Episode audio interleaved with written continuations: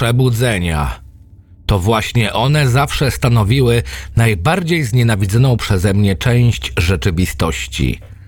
Brutalna siła raz po raz wyrywająca z błogiego świata sennych marzeń, w którym odnajdywałem ukojenie od mojego brudnego, naznaczonego chorobą życia. Dość powiedzieć, że nie spodziewałem się po sobie ulgi, jaką odczułem zaraz po przebudzeniu.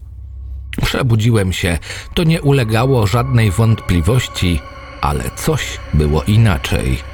Wszystko było inaczej. Piorunujący ból głowy, który towarzyszył mi przez ostatnie miesiące mojego życia, zniknął bez śladu.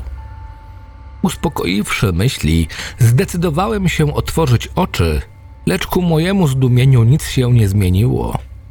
Czyżby spowijała mnie całkowita i bezdenna ciemność, czy może to moje powieki odmówiły posłuszeństwa?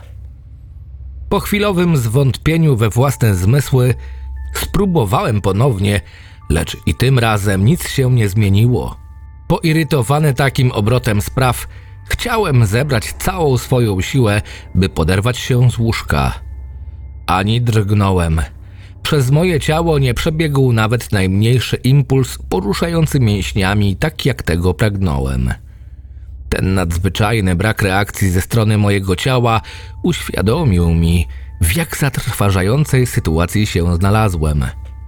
Byłem całkowicie nieświadomy, co się dzieje wokół mnie. Zupełnie jakby wszystkie moje zmysły, odczucia, bodźce zniknęły. Zupełnie jakbym stracił jakiekolwiek połączenie z ciałem.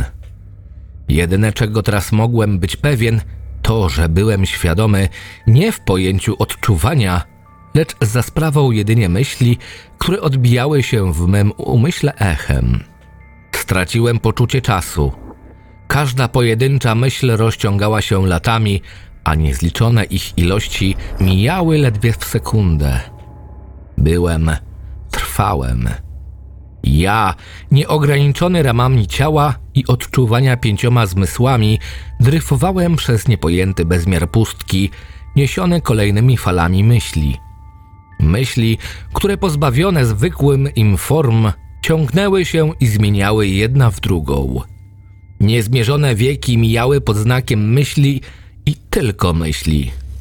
Aż w końcu stały się one całym moim światem, a wtedy umysł mój począł otwierać się na zupełnie obce dotąd perspektywy. Odległe myśli, inne od wszystkich tych mi znanych, były one obce również człowiekowi w całej jego istocie. Wraz z nimi przybyły obce doznania, sposoby odbierania rozmaitych rzeczywistości. Chłonąłem wszystko, a świat wypełniał się nieznanymi mi barwami i wirami energii. Po wielu wędrówkach przez oceany nieznanego odczuwania, w końcu dotarłem do jedynej rzeczy, która nie buzowała myślą. Stwierdziłem, że bez cienia wątpliwości tym obiektem jest moje ciało, opuszczone przez świadomość. Zapragnąłem doń wrócić i znów móc się w nim poruszać. Tchnąłem weń nowe myśli, ciało zapulsowało nowym ogniem, ukształtowałem je z siłą wszystkich innych myśli, tych dlań normalnych i tych obcych. Teraz było gotowe, bym na powrót się z nim połączył. Z początku myślałem, że wysiłek mój zawiódł, jednak poczułem, że mogę ruszać palcami. W chwilę później władza w ciele wróciła. Pełzłem przez kolejne warstwy ziemi, piąłem się ku górze, a przynajmniej tam, gdzie wszystkie myśli mówiły mi, że ona się znajduje. Granica pomiędzy ziemią a powietrzem jest niemalże identyczna jak ta pomiędzy powietrzem a wodą i równie łatwa do przekroczenia. Teraz, kiedy stałem pośród setek poprzechylanych nagrobków, pośrodku nocy, setki nowych drzwi stały przede mną otworem. Każde prowadziło do zupełnie obcego świata i tylko jedna rzecz powstrzymywała mnie od postąpienia krok naprzód.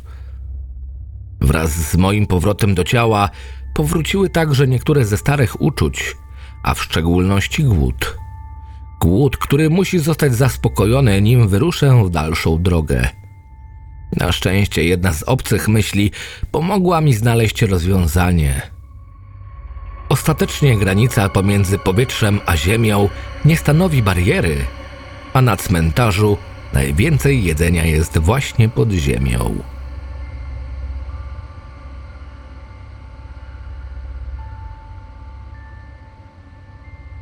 Scenariusz Joachim Potworny.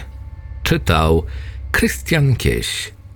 Zapraszam do subskrypcji mojego kanału.